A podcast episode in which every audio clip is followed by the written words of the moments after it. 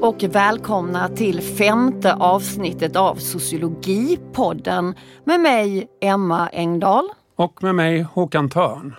Idag ska vi prata om Försäkringskassans inre liv med professor Kerstin Jakobsson. Hon håller just nu på att avsluta ett stort forskningsprojekt som heter Granskningskulturen och handläggaren. En studie av Arbetsförmedlingen och Försäkringskassan. I senaste numret av Sociologisk forskning har hon dessutom tillsammans med Katarina Hollertz publicerat en artikel som handlar om hur teamwork fungerar som en subtil styrmekanism inom offentlig sektor utifrån ett omfattande etnografiskt arbete och den här artikeln är tillgänglig för alla på nätet, närmare bestämt på sociologiskforskning.se. Försäkringskassan då, eh, det har väl knappast undgått någon att eh, den här myndigheten har varit i blåsväder under det senaste decenniet faktiskt. Knappast. Eh, det var väl förra året som Uppdrag granskning hade ett program och jag tror att alla känner någon som upplever att de har blivit illa behandlade av Försäkringskassan i samband med att de har varit sjuka. Ja, alltså jag gör inte det. Men, men personligen är jag ju livrädd för Försäkringskassan och att behöva använda mig av eh, sjukförsäkringen. Jag tycker det verkar jobbigare än att sjukskriva sig och jag har aldrig varit sjukskriven i hela mitt liv. Och Det beror ju på att jag är väldigt privilegierad så att jag kan jobba lite när det passar mig. Men det innebär också att jag väldigt sällan har eh, semester. Enda gången jag haft med Försäkringskassan att göra Håkan, det var när jag var föräldraledig och det räckte för mig. Ja, jag kan inte säga att du är någon förebild där ändå tycker jag Emma. Eh, vi måste få vara sjuka och vi måste eh, känna att det finns ett socialt skyddsnät då. Men vi är ju inne lite på anekdotisk evidens här när vi pratar om vi känner någon eller oss själva. Vi ska ju här prata om vad forskningen säger faktiskt om Försäkringskassan och eh, vi får ju fråga Kerstin om det, men vi tänkte först att vi ska dra lite bakgrund eh, till eh, just det här blåsvädret de senaste eh, tio åren. Ja, och själv var jag väldigt upprörd för det var ju mycket snack om att Försäkringskassan tog fram ett styrdokument som helt plötsligt innebar att en diagnos som till exempel deprimerad inte räckte för att bli sjukskriven utan man skulle också ha någon slags undersökningsfynd som stärkte eller styrkte den här diagnosen. Till exempel så skulle man sitta och gråta eh, inför sin läkare när man eh, frågade de här frågorna som handlar om vilka symptom man uppvisar och så vidare. Och det gjorde mig lite upprörd och det ledde också till att väldigt många med psykisk ohälsa eh, blev utförsäkrade. Mm. Ja. ja. Men vi drar lite uh, hårda fakta här. Mm, eller, mm, lite mm, så här. Alltså, Försäkringskassan är en av Sveriges största myndigheter med över 14 000 anställda. Uh, den förvaltar hela 25 procent av den totala statsbudgeten. Och den formella styrningen av myndigheten är ganska komplex. Förutom lagstiftning, förordningar samt regleringsbrev från regeringen så styrs myndigheten av domar i förvaltningsdomstolarna som då granskar rättstillämplighet, eh, förlåt, rättstillämpningen och formulerar rättspraxis. Eh, 2008 eh, så infördes då den så kallade rehabiliteringskedjan som också lagstadgades då. Och det var ju då som ett led i den här berömda arbetslinjen. Eh, och då handlade det om att sjukförs- eh, sjukförsäkringen då eh, kopplades till krav på tidig återgång i arbete och omställning till ett nytt jobb. Och Det betyder också då att Försäkringskassans handläggare skulle pröva arbetsförmågan vid särskilda tidpunkter. Eh, efter tre månader mot andra uppgifter hos nuvarande arbetsgivare, alltså kan du jobba med någonting annat hos din arbetsgivare och efter sex månader någonting som man då kallar normalt förekommande arbete på hela arbetsmarknaden. Det vill säga om du då enligt Försäkringskassan är så sjuk så att du inte kan jobba på din nuvarande arbetsplats så får du ta vilket som helst annat arbete helt enkelt. Eh, och det ledde då till några år av medial turbulens kring så kallade utförsäkringar. Och eh, som konsekvens av det här då så fick Försäkringskassan 2011 eh, av dåvarande alliansregeringen i uppdrag att öka medborgarnas förtroende för myndigheten och socialförsäkringen. Så att 2011, redan för tio år sedan, så var eh, Försäkringskassans förtroende eh, ganska svajigt eh, hos de svenska eh, medborgarna. Och så inleddes då ett omfattande förändringsarbete internt eh, under Dan Eliasson som generaldirektör. Och då skulle man genomföra en intern kulturförändring pratade man om. Eh, och sen 2015 så förändrade regeringsuppdraget igen. Eh, och då var det den rödgröna regeringen som beslutade om ett siffermål för att bryta det som man var väldigt oroad över, nämligen att sjukskrivningstalen ökade. Eh, och då, eh, då satte man ett mål som vi ska återkomma till här i, i, i eh, samtalet med Kerstin, men att sjukpenningstalet skulle uppgå till högst 9,0 dagar vid utgången av 2020 och det ska vi alltså återkomma till.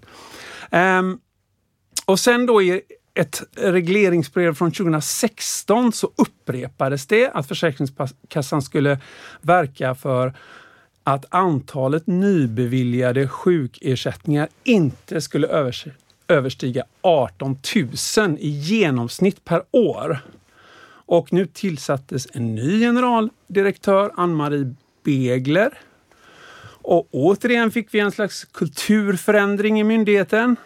Och eh, under Beglers styre låg fokus på utredning, det vill säga bedömning av rätten till sjukpenning. Och det, det var ju det du här pratade om, Emma, alldeles nyss. Eh, väldigt, väldigt kort, men, ja, en, men ändå. Lite obehagligt tycker jag. Ja. Mm. Och, eh, och den andra eh, lagstadgade uppgiften då var att samordna eh, rehabiliteringsinsatser eh, mellan olika myndigheter då. Eh, alltså arbetsgivare, sjukvård och så vidare. Eh, men den prioriterades i själva verket ner då under Begler. Eh, och hon fick också sluta sin post oh, oh. i förtid 2018. Eh, och det var just som en konsekvens av att regeringen ansåg att den här samordningen då inte fungerade. Och sen 2019 då är Nils Öberg eh, den nya generaldirektören. Det var en kort historik. Ja, och i Kerstins artikel kan man läsa att verksamhetsidén under den här kritiserade perioden bland annat var att genom kunskap, empati och förståelse se till att alla som möter oss förstår sina rättigheter och behandlas med värdighet. Det låter ju helt fantastiskt. Eller hur? Ja. Men hur kunde det gå så fel då? Ja. då? Ja. Och vad var det som gick fel? kan man verkligen undra och jag känner att det är väldigt hög tid att be Kerstin hjälpa oss att reda ut det här och eh, förklara.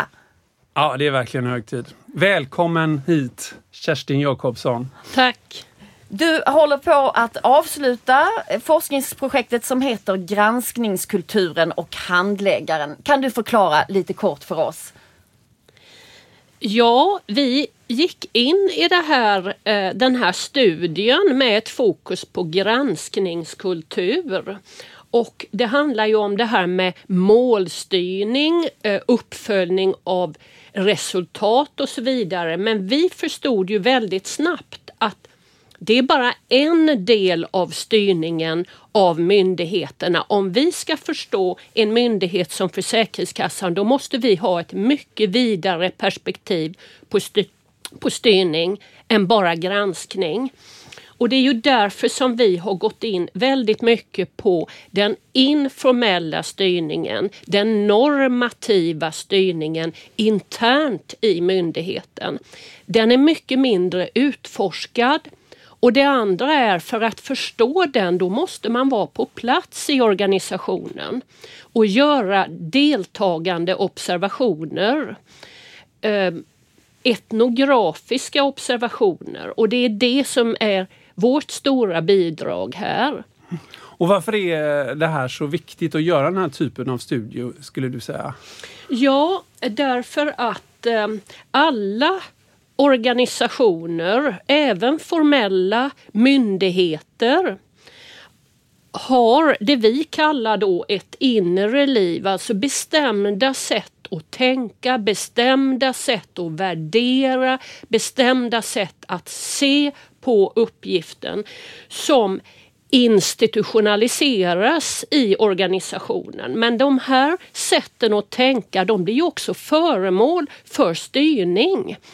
Om en organisation ska kunna ställa om på det sätt som ni har nu beskrivit lite grann från en period där empati och kundorientering skulle vara ledande för handläggarnas arbete till en period eh, kort därefter då de här sakerna, empati, diskvalificerades som illegitim snällhet. Istället handlade det om att vara försäkringsutredare och lägga all fokus på eh, att utreda rätten till sjukpenning. Om man ska få personal att hänga med i en sån drastisk förändring, då måste man styra deras sätt att tänka, deras sätt att se på sig själva och sin uppgift. Men också styra känsl känslor inför arbetet.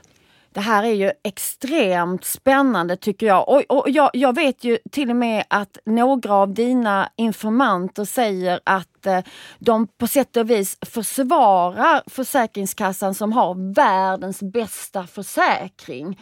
Och den måste försvaras mot eh, folk som kan eh, missnyttja den så att säga. Kan, kan du berätta lite om, om det här? Hur, hur får man folk att, att, att, tänka om? Vad gjorde man mer konkret? Ja, det man gjorde var olika saker men vi lyfte fram särskilt organisationsberättelsernas betydelse. Berättelser är viktiga på samma sätt som våra egna livsberättelser är viktiga för vår identitet. Och när vi ser tillbaka på våra liv så kan vi se vändpunkter där vårt liv tog en annan riktning. På samma sätt är det i organisationers liv. Och särskilt på Försäkringskassan som måste ställa om så här ofta i styrningen från regeringen så blir de här organisationsberättelserna väldigt viktig, viktiga. Och nu så handlade det om att berättelsen, den övergripande berättelsen gick ut på att den föregående perioden med empati som ledord och en mänskligare sjukförsäkring, den ledde fel. Den ledde till en alltför generös tillämpning av försäkringen. Och i den här interna organisationsberättelsen så resonerade man som så att om vi tillåter det här, då hotar vi världens bästa sjukförsäkring. Då kommer det inte att finnas några mer pengar i skattekistan som en handläggare uttryckte det i en intervju. Och därför fick de handläggarna fick en heroisk roll att rädda sjukförsäkringen, att på sikt rädda den svenska välfärdsstaten. Så det laddades med så mycket mer än att bara bedöma rätten till sjukpenning i individuella fall. Så organisationsberättelserna var jätteviktiga. Och då tänker jag, du har ju flera väldigt spännande begrepp eh, i dina artiklar som sådär, liksom lyser upp Eh, hela eh, ditt studieobjekt liksom, om man, som verkligen gör att man eh, som verkligen bidrar till, att, till förståelsen av vad, vad, vad det var som hände egentligen. Och du har nämnt organisationsberättelser, eh, men du använder också eh, begrepp som organisationsritualer och organisatoriska karaktärer. Det tycker jag är så bra. Eh, kan, du, kan, du, kan du förklara eh, lite, lite eh, mer kring de två begreppen? Ja, om vi börjar med organisatoriska karaktärer så handlar det om eh, att organisationen vill ju styra sin personal i enlighet med de för dagen gällande idealen för en ideal handläggare och normerna för en ideal handläggare. Och man, den här styrningen innebär att man vill formera karaktären på sin personal. De egenskaper som en bra handläggare ska ha och manifestera i vardagen. Så det blir alltså en slags tillpassning av personligheter som är lämpliga i organisationen. Och det innebär ju samtidigt att det finns en del i organisationen som känner sig obekväma, som inte har de här egenskaperna, som inte värderar samma sak. Och därför tror jag det är viktigt att förstå också att det var andelen handläggare som frivilligt avslutade sitt arbete under den här perioden 2015 till eh, 2019 ökade väldigt kraftigt. Så de som inte var tillpassade till de som inte hade de här egenskaperna, de som verkligen hade gått in och trott på eh, kundorientering och empati. Många av dem valde att sluta. Och kvar blir ju då de här personlighetstyperna som eh, passar väldigt väl organisationens rådande normer. Jag vill också säga då att det här är också någonting som styr rekryteringen. Under den här perioden så var det så att Försäkringskassan ville gärna rekrytera personer med juridisk bakgrund även statsvetare. Däremot var man mer skeptisk mot till exempel socionomer som har en professionsutbildning men som också eh, ansågs ha för lätt att ställa sig på klientens sida att gå in eh, och bilda allians med klienten. Så det här med selektiv rekrytering, det är ju ett sätt för en organisation att få de här lämpliga organisatoriska karaktärerna. Ett annat sätt är normeringen som jag tror vi ska diskutera vidare. Ja, det är kanske det du kallar då normativ impregnering. Och jag älskar det här ordet. Ni vet man impregnerar sina skor för att de ska tåla vinter och kyla och värta och så vidare. Men uppenbarligen är detta någonting som sker även på eh, Försäkringskassan i Försäkringskassans inre liv. Men innan vi går in på det så måste jag ändå bara spontant liksom, äh, reagera på det du säger Kerstin. Jag, jag, jag känner så här, jaha helt plötsligt ska man ha människofientliga personer som för att klara av att utföra det här jobbet. Innan skulle de vara empatiska, man ska se människan och helt plötsligt så ska man se försäkringen. Och då tänker jag, men tänk om man vill behålla det här jobbet då måste man vara otroligt flexibel som människa. Och jag tänker att vi är ju plastiska. Vi kan ju på sätt och vis ändra oss men uppenbarligen finns det de som har så stark karaktär redan tidigare att man, att man väljer att gå. Men man har inget riktigt val utan antingen förändrar man sig och anpassar sig eller så måste man gå. Är det så illa Kerstin? Det är skillnaden mellan de impregnerbara och de oimpregnerbara kanske? Ja, ja och de, de skorna då som inte längre funkar, de får vi slänga. Men eh, då är de på soptippen. Mm, är det så med människor då också Kerstin? Vad säger du? Ja, eftersom vi har varit på plats i organisationen så ser ju vi att det finns väldigt lite utrymme för kritik och ifrågasättande i vardagen. Eh, vi tittar ju till exempel mycket på möten. Vi har varit med på personalmöten, arbetsplatsträffar och vi ser att det är en väldigt tydlig envägskommunikation. Ledningen talar Eh, Eh, personalen lyssnar. Eh, så det finns begränsat utrymme för ifrågasättande men däremot finns det ju en del personer som förhåller sig lite cyniskt. En väldigt erfaren handläggare sa i en intervju att hon försöker bara överleva i organisationen tills nästa eh, skifte kommer. Så de finns ju också. Men jag tror att ska man förstå just Försäkringskassan då måste man förstå att den här formbarheten och följsamheten det är ett överordnat ideal. Det är något man sätter en heder i. Att vara en följsam organisation. Och vi har skrivit en annan artikel om det, om följsamhet som organisationsideal och då menar vi följsamhet till ledningen i Försäkringskassan. Om man däremot är följsam till lagstiftningen, det är en annan sak. Men man vill hänga med, man vill ställa om, man vill leverera det som för stunden gäller. Eh, så det finns en väldig stolthet som laddas i den här omformbarheten, att vilja modellera om sig som eh, subjekt. Är det det som är normativ impregnering? Nej, normativ impregnering det handlar om normativ styrning och att vi använder impregneringsbegreppet det beror på två saker. Det ena är att individen i organisationen dränks in i organisationens normer.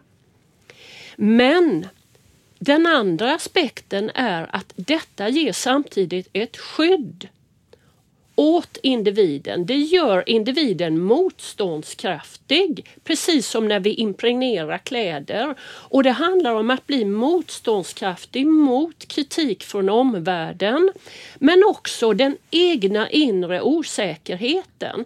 Det, den normativa impregneringen hjälper till att skapa en visshet i att jag gör rätt jag behöver inte ligga sömnlös på natten. Jag behöver inte ha betänkligheter för jag följer eh, det organisationen vill. Jag uppfyller normerna. Eh, jag handlar i enlighet med de dominerande organisationsberättelserna. Och jag kan också säga om de här berättelserna att de ger manus för hur man ska tänka och handla som en lämplig handläggare på Försäkringskassan. Och de här manusen de kan ju då skifta ganska kraftigt i olika perioder det här är ju superspännande och, och väldigt viktigt att förstå, tänker jag, inte bara för människor som arbetar på Försäkringskassan utan för människor som jobbar i princip överallt i, i dagens samhälle. Eh, vad, vad, tänker du Kerstin att en vanlig människa som inte jobbar på Försäkringskassan kan eh, lära av det här med eh, till exempel normativ impregnering? Ja, jag tycker väl att en lärdom är att det är viktigt i alla organisationer att det finns utrymme för ifrågasättande och kritik. Att de här jobbiga personerna som inte är följsamma på samma sätt att de fyller en väldigt viktig funktion. Det handlar om som en författ organisationsforskare eh, Philip Selznick säger vad, vad gör den här styrningen med en organisations förmåga att ställa de rätta frågorna? Om man utvecklar ett så starkt grupptänkande att det inte finns utrymme för de här avvikande rösterna, de re eh, ifrågasättande reflexiva subjekten, så kan det leda en organisation i en tokig riktning. Så normativ impregnering, i någon mån kanske den är nödvändig.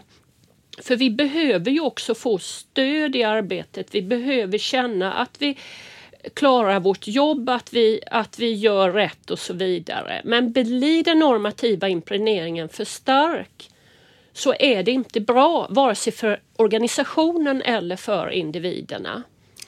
Kerstin, jag lovade ju när jag drog den korta bakgrunden här att vi skulle förklara lite mer kring det här med sjukpenningtalet. Eh, att det skulle uppgå till högst 9,0 enligt regeringen. Då. Det, och den, den frågan kan man ju också eh, eh, diskutera i relation till hur ska man förstå relationen mellan å ena sidan statens styrning av myndigheten och, och myndighetens egen självstyrning så att säga. Alltså vissa skulle ju kunna hävda att ja men det här är inte Försäkringskassans fel att det gick så här.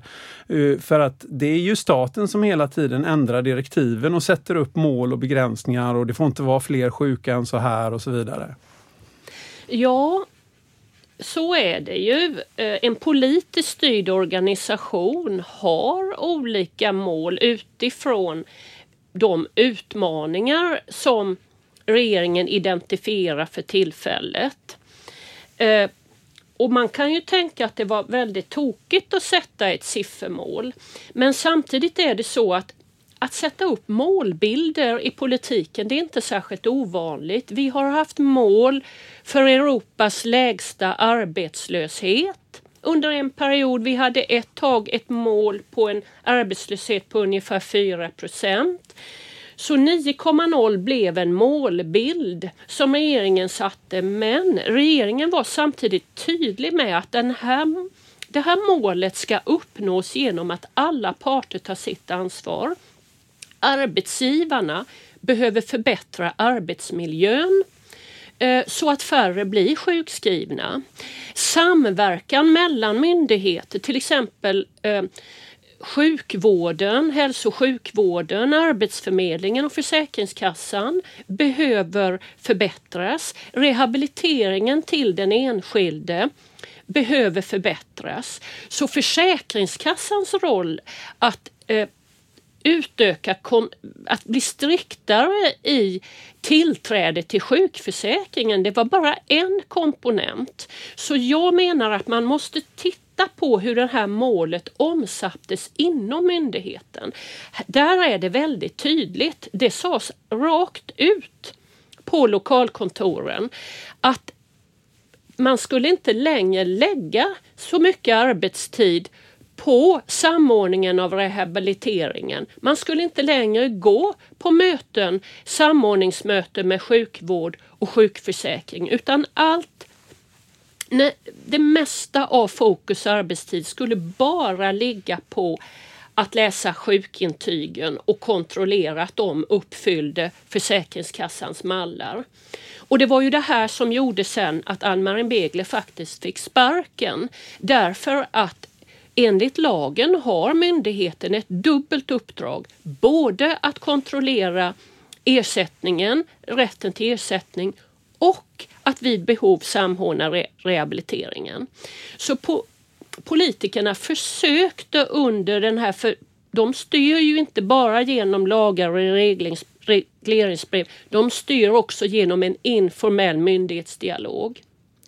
Men Försäkringskassan och särskilt rättsavdelningen, det var rättsavdelningen på huvudkontoret som var så central i att utveckla de här organisationsberättelserna om att tillämpningen hade varit generös och nu skulle man vara försäkringsmässig. Man skulle fungera som ett privat försäkringsbolag enligt samma logik. Och ett, ett sådant försäkringsbolag behöver inte träffa sina kunder behöver inte hålla på och samverka med parter. De tittar bara på de dokument som in, inkommer. Så har man det försä privata försäkringsbolaget som förebild, ja då, då, behöver, då kan man prioritera bort mycket av det här andra. Men det var inte regeringens avsikt. Okej, men är det bättre idag skulle du säga?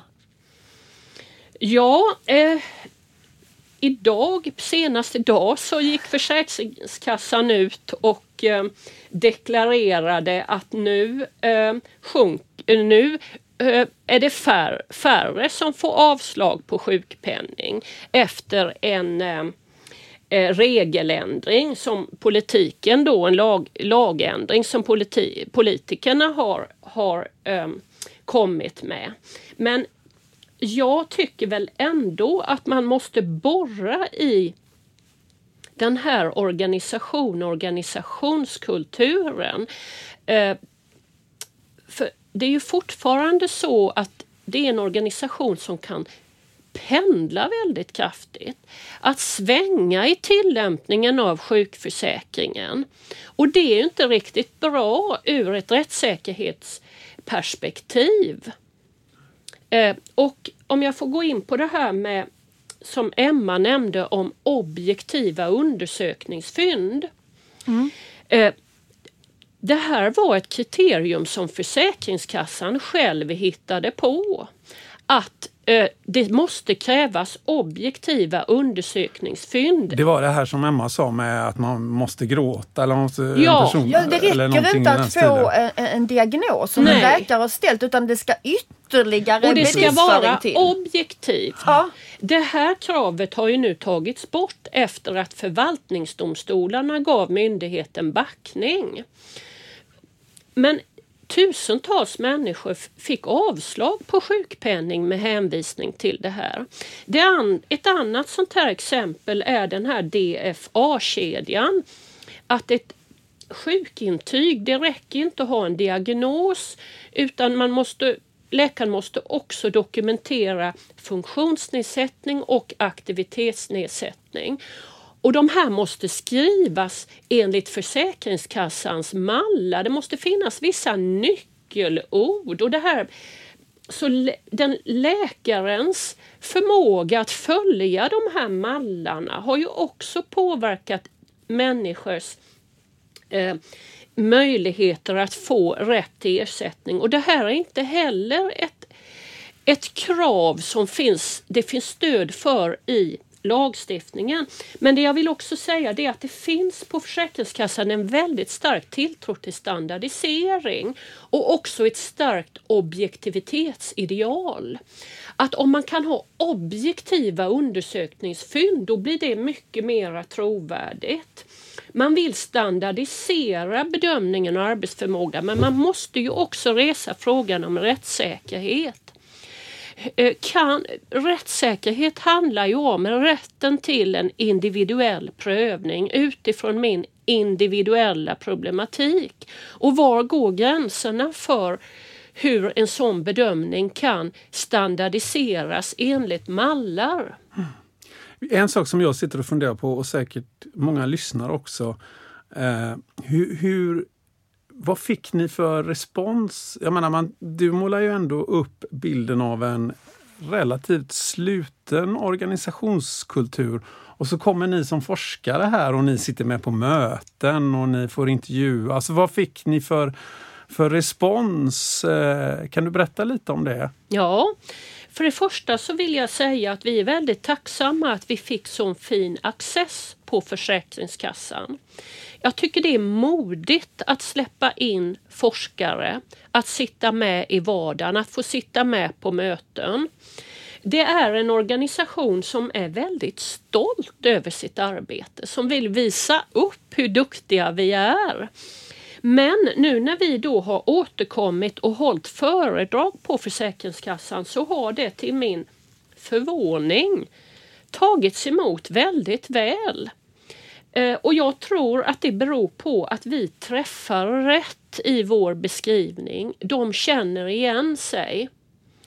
Eh, så jag känner mig ganska trygg i att det vi fångar, det är någonting de känner igen sig i. Men vi kommer ju med andra perspektiv på det här.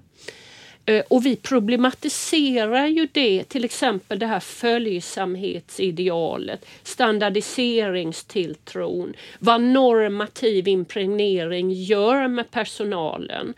Eh, det hjälper dem att förstå och få ett, ett nytt perspektiv. Jag höll ett föredrag för huvudkontoret på Försäkringskassan och då var det faktiskt en person som sa där att ja, här fick vi en rejäl smocka och den behövde vi. Det är, ju, det är ju alldeles underbart och det säger ju också någonting om vikten av sociologin i, i samhället. Och, och när jag tänker på det så, så tänker jag att nu sitter ändå en del lyssnare här och är jättenyfikna på hur du blev sociolog Kerstin. Hur kom du in på den här banan? Ja, det är ju flera skäl. Ett skäl är att sociologin studerar ju alla samhällssfärer. Jag har alltid varit intresserad av politik men också religion och vi har ju en massa subdiscipliner, religionssociologi, politisk sociologi, arbetsmarknadssociologi. Vi kan studera det mesta som sociologer. Men det jag tycker som verkligen skiljer ut oss och vår största styrka det är att vi kan knyta makt makro och mikro. Vi kan alltså knyta den här frågan om våra inre, våra känslor, våra tankar, vår identitet till större förändringar. Det kan vara processer på samhällsnivå men det kan också vara strukturer, organisationer och så vidare. Det gör ju också att det blir ett förklaringsvärde till varför vi är som vi är, varför vi tänker som vi gör, varför vi känner som vi gör. Och en annan sak som har blivit så tydlig för oss under covid, det är att vi är ju i grunden sociala varelser. Och det här gör ju också att sociala processer formar så mycket vilka vi är. Och det är ju det som vi sociologer studerar och jag tror ska man förstå formella organisationer och myndigheter så måste man också förstå de sociala processerna. Nu kommer jag ihåg att Håkan frågade om organisationsritualerna. Precis. och det är ju just de här sociala interaktionsritualerna som är så viktiga. De blir också viktiga i den normativa impregneringen men också i den kollektiva identitetsformeringen. Och vi ser ju möten som manusstyrda organisationsritualer. Och möten är väldigt viktiga i Försäkringskassans inre liv, i Försäkringskassans styrning. Man kan reagera på det först att handläggarna är så fruktansvärt arbetsbelastade men ändå lägger man så mycket tid på möten. Varför gör man det? Ja, det blir obegripligt om man inte förstår hur instrumentella de här manusstyrda eh, interaktionsritualerna eh, och mötena i rituell form är för styrningen och den normativa impregneringen av medarbetarna. Ja, jättespännande. men jag, jag tänker också, jag måste bara säga att, att, att om man är väldigt arbetsbelastad och sen så får man gå på ett möte och om det funkar väl så får man ju också eh, emotionell energi som Randall Collins bland ja. annat pratar om. Och jag tänker, inte det är viktigt för att det orka med? Det är jätteviktigt att få den emotionella energin. Och eh, man får ju också socialt stöd, för det ska man också säga att det här är väldigt svåra ärenden. Man får socialt stöd, man får råg i ryggen. Och ritualer genererar ju vad Durkheim talade om som kollektiv upprymdhet.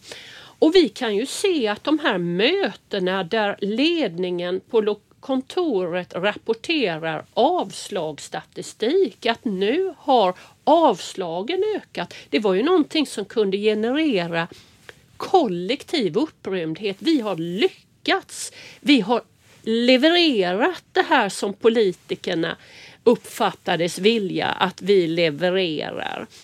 Och jag tror att ska man förstå Försäkringskassan måste man också förstå den här stoltheten av det här heroiska uppdraget man har att värna sjukförsäkringen som man då tolkar det. Och det, stolthet, det är ju någonting man... Det är ju en kollektiv process. Man sitter ju inte som individ och är stolt över att jag har gjort det här avslaget. Men när man på teamnivå, på kontorsnivå, på områdesnivå kan uppnå det här tillsammans Mm. Det... Ja, det är otroligt spännande. Det, det, finns, vi skulle kunna sitta här och prata i flera timmar om Försäkringskassan känner jag. Men Det kanske är dags att eh, sätta punkt för den här delen nu och tacka Kerstin eh, väldigt mycket för att du ville komma hit och berätta om din spännande forskning, viktiga forskning. Ja, tack så väldigt mycket Kerstin Jakobsson som Tack. är professor i sociologi. Ja, Tackar, tackar. Tack! och hej! Hej hej!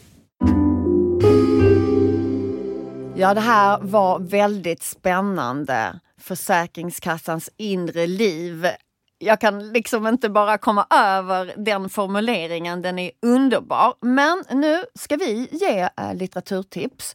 Och idag Håkan så är det du som har fått äran att eh, ge litteraturtips och välja vilken tänkare som vi ska eh, diskutera och Ja. prata om. Ja, och vi har ju pratat väldigt mycket om styrning här så vi tänkte att vi kan, eller jag tänkte att vi kan borra lite i det genom att prata om Michel Foucault. Woho! Den franske idéhistorikern som har satt väldigt djupt avtryck också i sociologin och jag vet att han är en av Kerstins inspirationskällor även om vi inte pratade om det. Eh, Jag tänkte eh, prata lite kring den sene Foucault. Alltså Foucault föddes 1926 och eh, dog 1984. Och eh, de sista åren av sitt liv så höll han en serie föreläsningar på Collège de France där han ju eh, arbetade. Och eh, det var ett begrepp där som han använde på franska governmentalité eller governmentality på, på engelska som har blivit utgångspunkten för en eh, sociologisk teori om styrning kan man säga. Och jag tänkte då som vanligt börja med ett citat. Underbart! Eh, Jag tycker du ska ta lite vatten Håkan Ja, innan. ja, ja, det kan jag göra då. då. Fast jag, jag ska bädda lite för citatet först. Eh, alltså, eh, det är hämtat, många av de här eh, föreläsningarna är översatta till svenska. Eh, citatet här kommer från eh, då en bok som heter Styrandet av sig själv och andra. Och det är föreläsningar från 1982 till 83. Eh, och det här är faktiskt eh, från en eh, föreläsning den 5 januari, så exakt kan vi vara, 1983, alltså ett år innan han dör i aids. Eh, och innan, alltså man måste förstå vad det är han pratar om här. Han börjar med att försöka sammanfatta faktiskt det arbete han hittills har gjort och det är ju hans hela karriär då. Eh, och eh, då pratar han lite kring en del i sitt arbete eh, som, där han har ägnat sig åt att att analysera det han kallar för citat uppförandets normativa matriser. Och, Ja, men det, är lite, det är ju spännande, det liknar lite Kerstins Ja. normativa impregnering, eller hur? Precis. Och här kommer citatet då i översättning av Carl Lydén. Och eh, jag kan tycka att Foucault skriver lite omständigt ibland och att han i, ibland liksom definierar det han eh, vill säga genom att säga vad det inte är. Så han säger så här då att han, det han har gjort har inte varit, citat, att analysera makten med stort M. Inte heller maktens institutioner eller herraväldets allmänna och institutionella former. Utan att undersöka de tekniker och tillvägagångssätt som används för att styra andras uppförande. Jag försökte alltså ställa frågan om uppförandets normer först i termer av makt, makt som utövas, och analysera denna makt som utövas som ett fält av styrande procedurer. Och så hoppar jag över en liten bit där och så eh, säger han då att han har gått från att analysera normen till att analysera olika typer av maktutövanden från analysen av maktutövanden till det vi kan kalla regerandets procedurer. Och översättarens kommentar då Ja, slutcitat var det ju där då. Översättarens kommentar till eh, ordet regerande här då är att Foucault använder här den svåröversatta neologismen, gouvernementalité, om min franska nu är korrekt. Neologism, alltså ett, ny, ett nyskapat ord helt enkelt. Och sen så säger översättaren också att eh, tidigare svenska översättningar har använt massa olika ord. Eh, regimentalitet, regerlighet, regerandeskap, regerande komplex.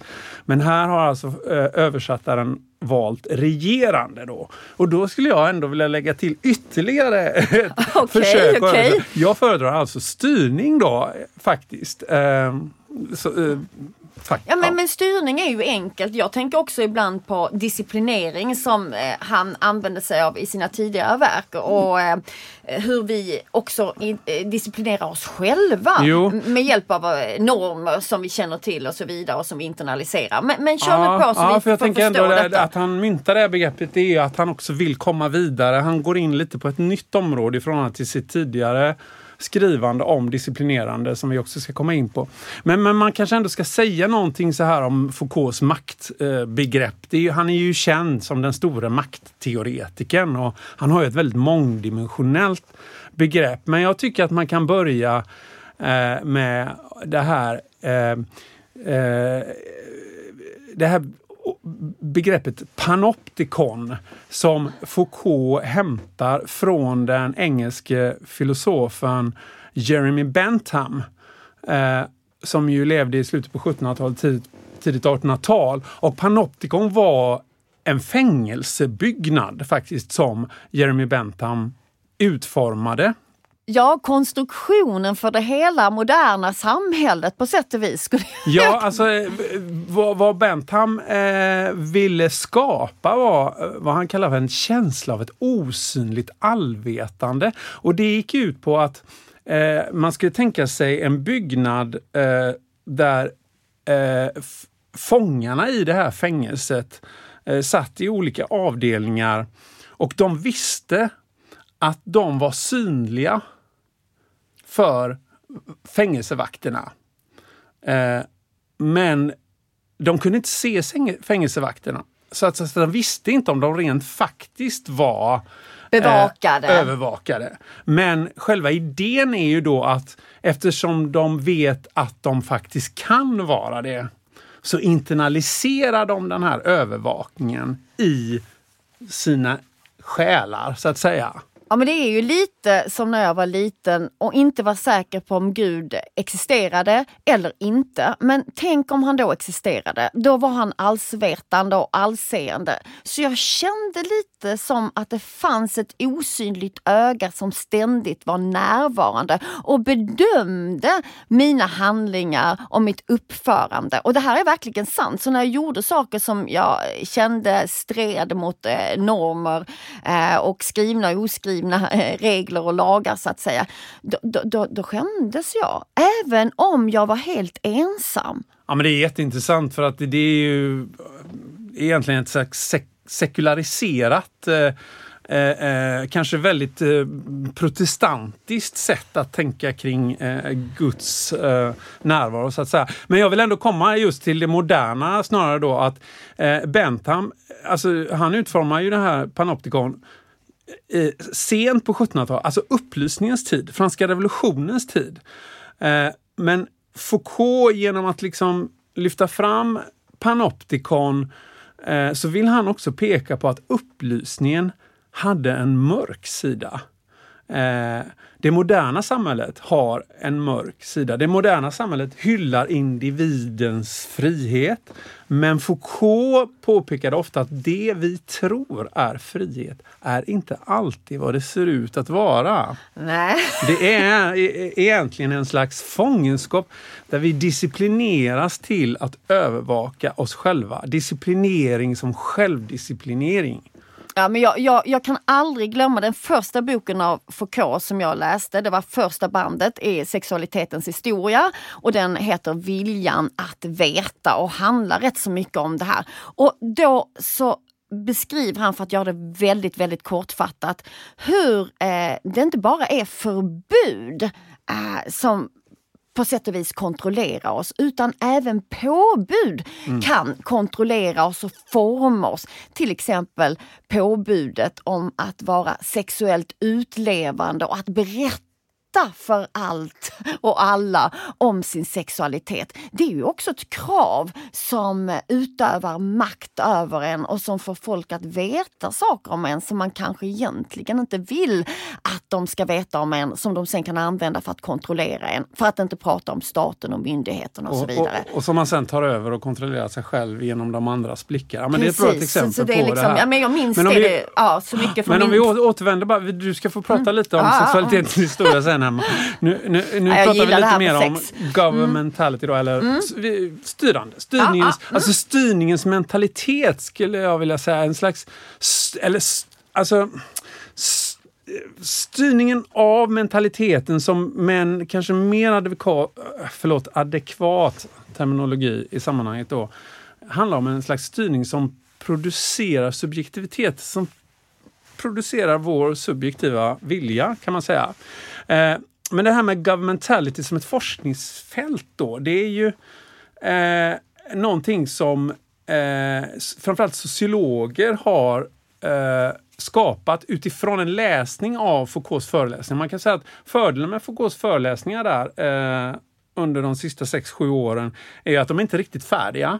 Utan det är ju, han prövar olika tankar och det är ju liksom också då en möjlighet för de som läser att själva utveckla vidare. Så att det har liksom blivit en väldigt produktiv utveckling av eh, Foucaults tänkande, skulle jag säga, i den här forskningen om styrning. Fast jag tänker att alla Foucaults arbeten är oavslutade för han önskade att hans arbete skulle vara just oavslutade. Mm, men de här är det i särskild, eh, särskilt mycket Okej, jag säga. okej. Men jag, jag säger så här, Nicholas Rose är en brittisk sociolog som, som, som eh, är en av dem som har vidareutvecklat de här tankarna om, om governmentality. Då. Och han eh, definierar styrning som alla strävanden att forma, vägleda och ge riktning åt andras beteende.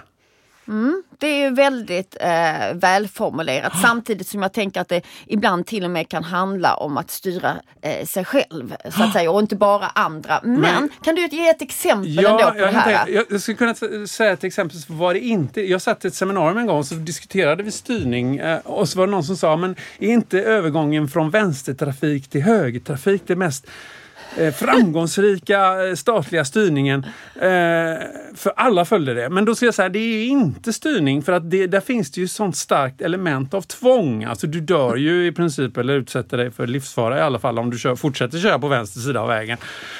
Så att, i och för sig så liksom alltså att det finns naturligtvis alltid någon form av disciplinering underliggande i styrningen. Men poängen med, som jag ser det, styrningen är ju liksom att vi själva frivilligt eh, tar på oss Som de- om det vore vad vi själva vill. och då tänker jag faktiskt på den svenska covid-strategin som ett Den är exempel. bra. Den är ett exempel på styrning. Det är ju det här, vi ska inte tvinga människor, utan människor ska själva förstå Sitt att de eget ska bära bästa. munskydd. Ja, precis. Exakt. Så det är liksom.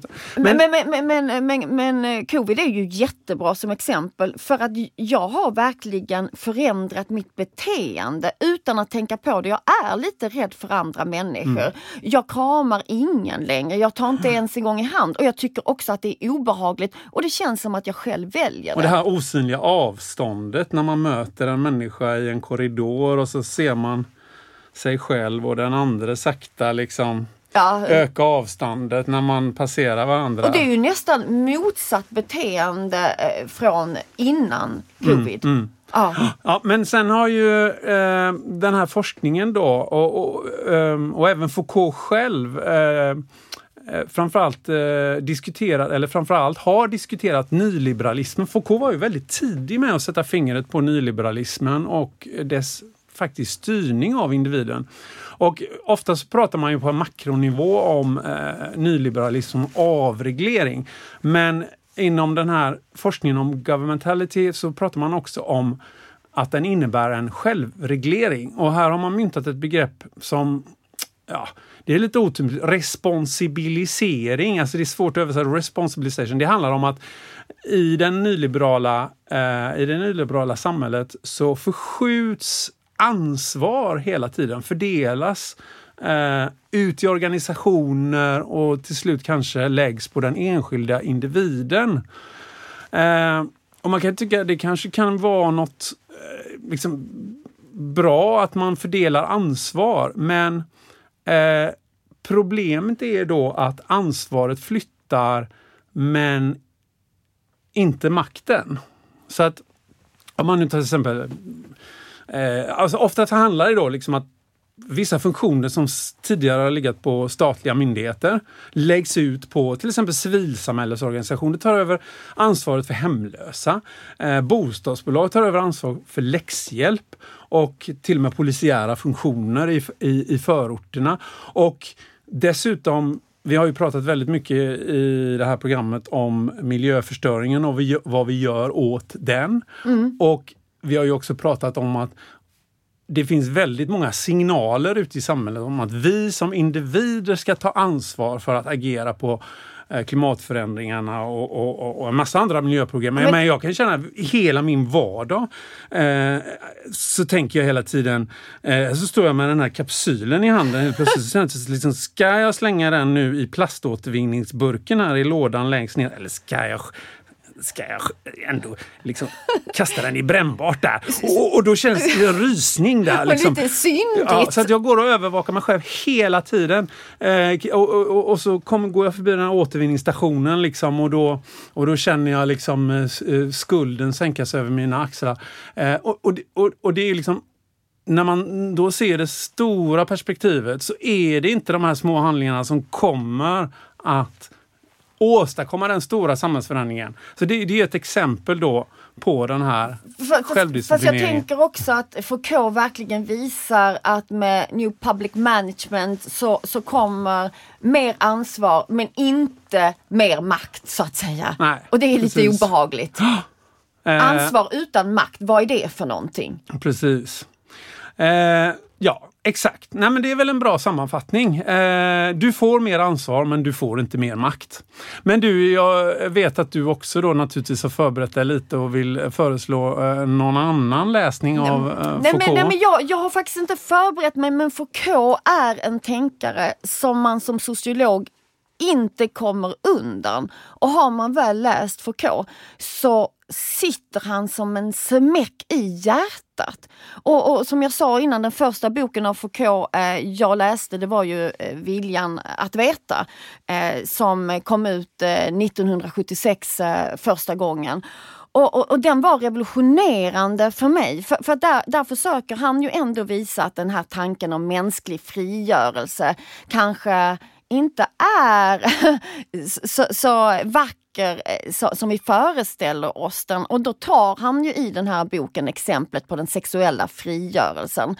Uh, och, och, och, ställer frågan, men är det verkligen en frihet att, att leva ut sina lustar? Och vad är det för sorts lustar vi egentligen lever ut i det moderna samhället?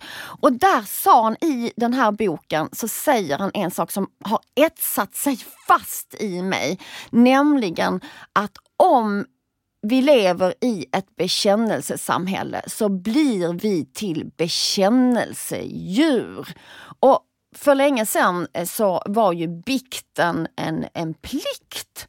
Man var tvungen att bikta sig för att man skulle kunna se eh, vilken grad av synd eh, man hade gjort sig eh, liksom ansvarig för och vad man skulle göra för form av botgöring och så vidare. Men idag så är det ingen plikt utan vi älskar att prata om oss själva.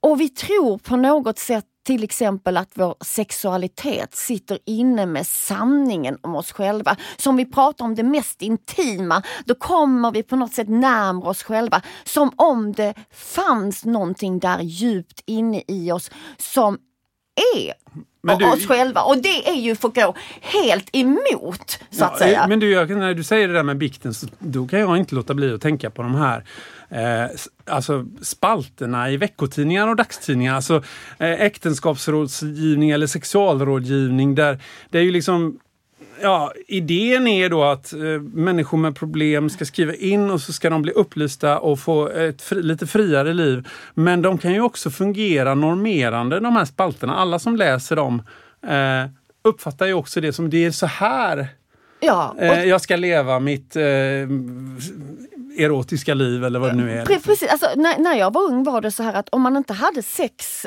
i ett förhållande då var det ett katastrofalt förhållande. Och typ skulle man ha sex tre gånger i veckan och hade man inte det då var det nog tecken på att det inte stod bra till i förhållandet. Så man hade enorma krav på sig att, att, att ha sex och att dessutom då prata om det. Och Foucault säger ju så här att ja men herregud om det nu verkligen var så att vi blev sexuellt frigjorda då borde vi ha upp uppfunnit någon ny sexuell njutning under modern tid. Men vad kan vi om kärlekskonsten? Men du, Emma, är det... erotika. Är vi ens en gång erotiska idag? Och vad Foucault säger, jag älskar detta, så säger han att den enda nya sexuella njutningen som de moderna människorna har uppfunnit, det är njutningen att tala om sex. Och det tycker jag är så träffande. Men du Emma, är det inte så också i eh sexualitetens historia, alltså det finns ju flera band, att, att eh, Foucault gör en omprövning där av sina... För att han har ju ägnat hela sin akademiska eh, gärning åt att visa på hur det vi tror är frihet faktiskt är ett fängelse om man ska förenkla det lite. Och att han där på något sätt ändå kommer till en punkt där han känner att han måste också på något sätt tänka kring eh, någon väg ut ur detta fängelse som det moderna samhället är då i hans tidigare Ja, analyser. och i viljan att veta är han rätt så mycket kvar i det gamla. Men i band två och tre av eh, sexualitetens historia. Där gör han en kovändning på sätt och vis. Eh, och det, han skriver på de här böckerna som på svenska då har översatts till eh, njutningarnas bruk och omsorgen om sig. De här böckerna skriver han febrilt på bara några månader innan sin död.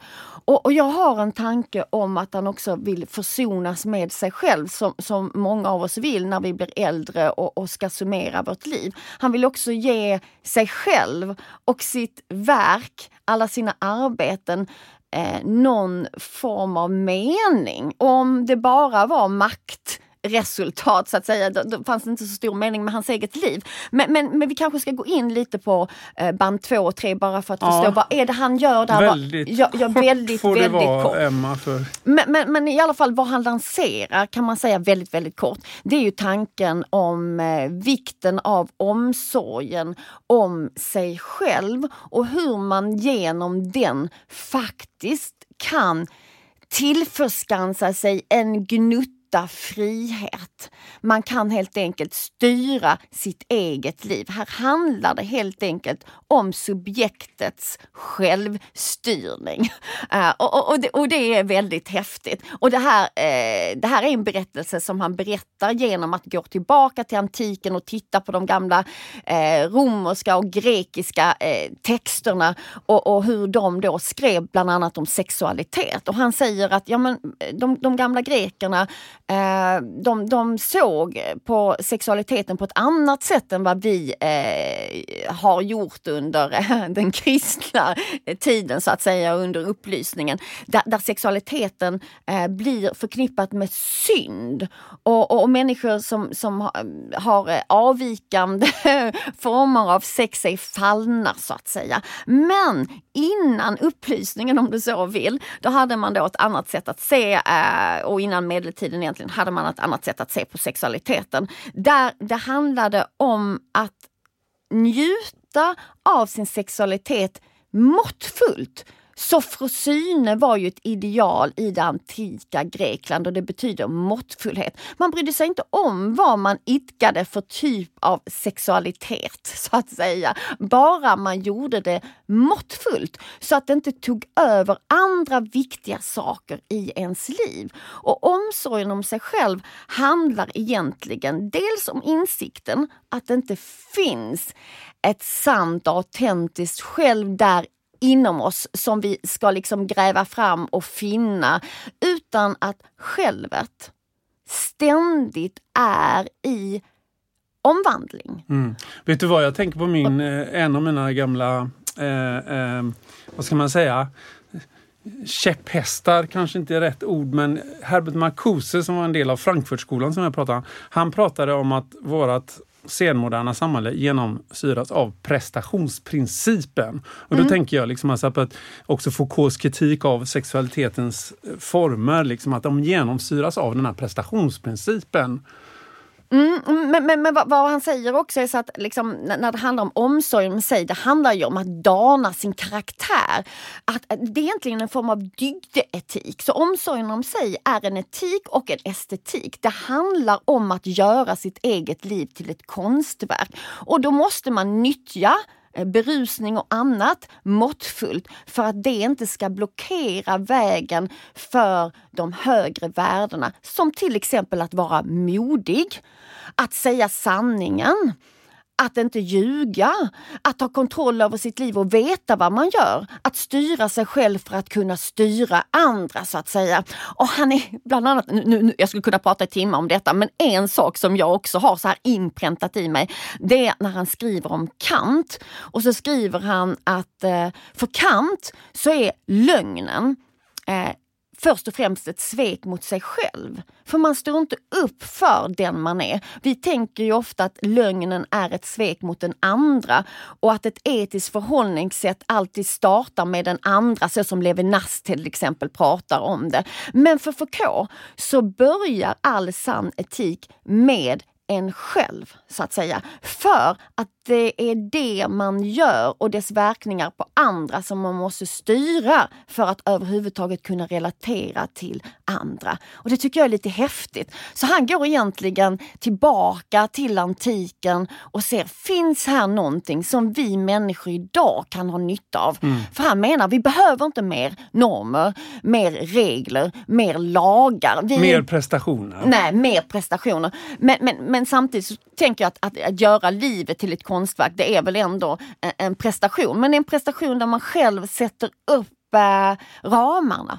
Ja, den, det är liksom inte något som genomsyras av målstyrning som Nej, Kerstin Jakobsson pratar Nej, om. Nej, men inte att bli rik och framgångsrik heller utan det har högre värde. Och för, för Foucault var ju detta eh, också ett andligt ideal. Och jag tänker lite om Foucault, att han är eh, som fan som blir religiös på äldre dagar. Han blir lite liksom intresserad av eh, andliga praktiker för att nå sanningen om sig själv och då den högre sanningen, den som inte är dikterad eh, av samhället. Till exempel då det kapitalistiska samhället där man ska lägga pengar på hög.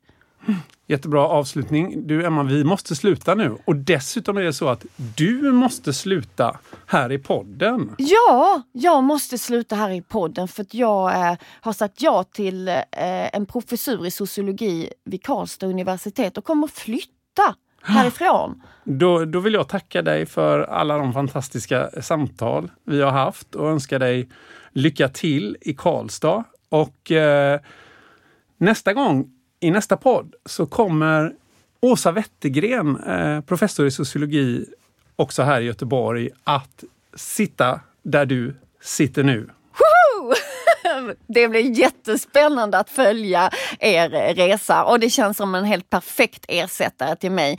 För Åsa Wettergren är ju precis som jag emotionssociolog så det kommer fortsatt handla om kärlek och revolution. Tänker jag. Får lämna lite till Åsa också. Ja, självklart, självklart.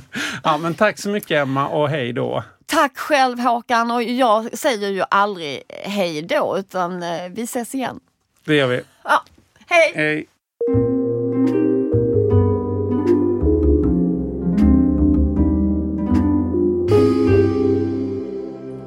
Den här podden finansieras av Institutionen för sociologi och arbetsvetenskap på Göteborgs universitet.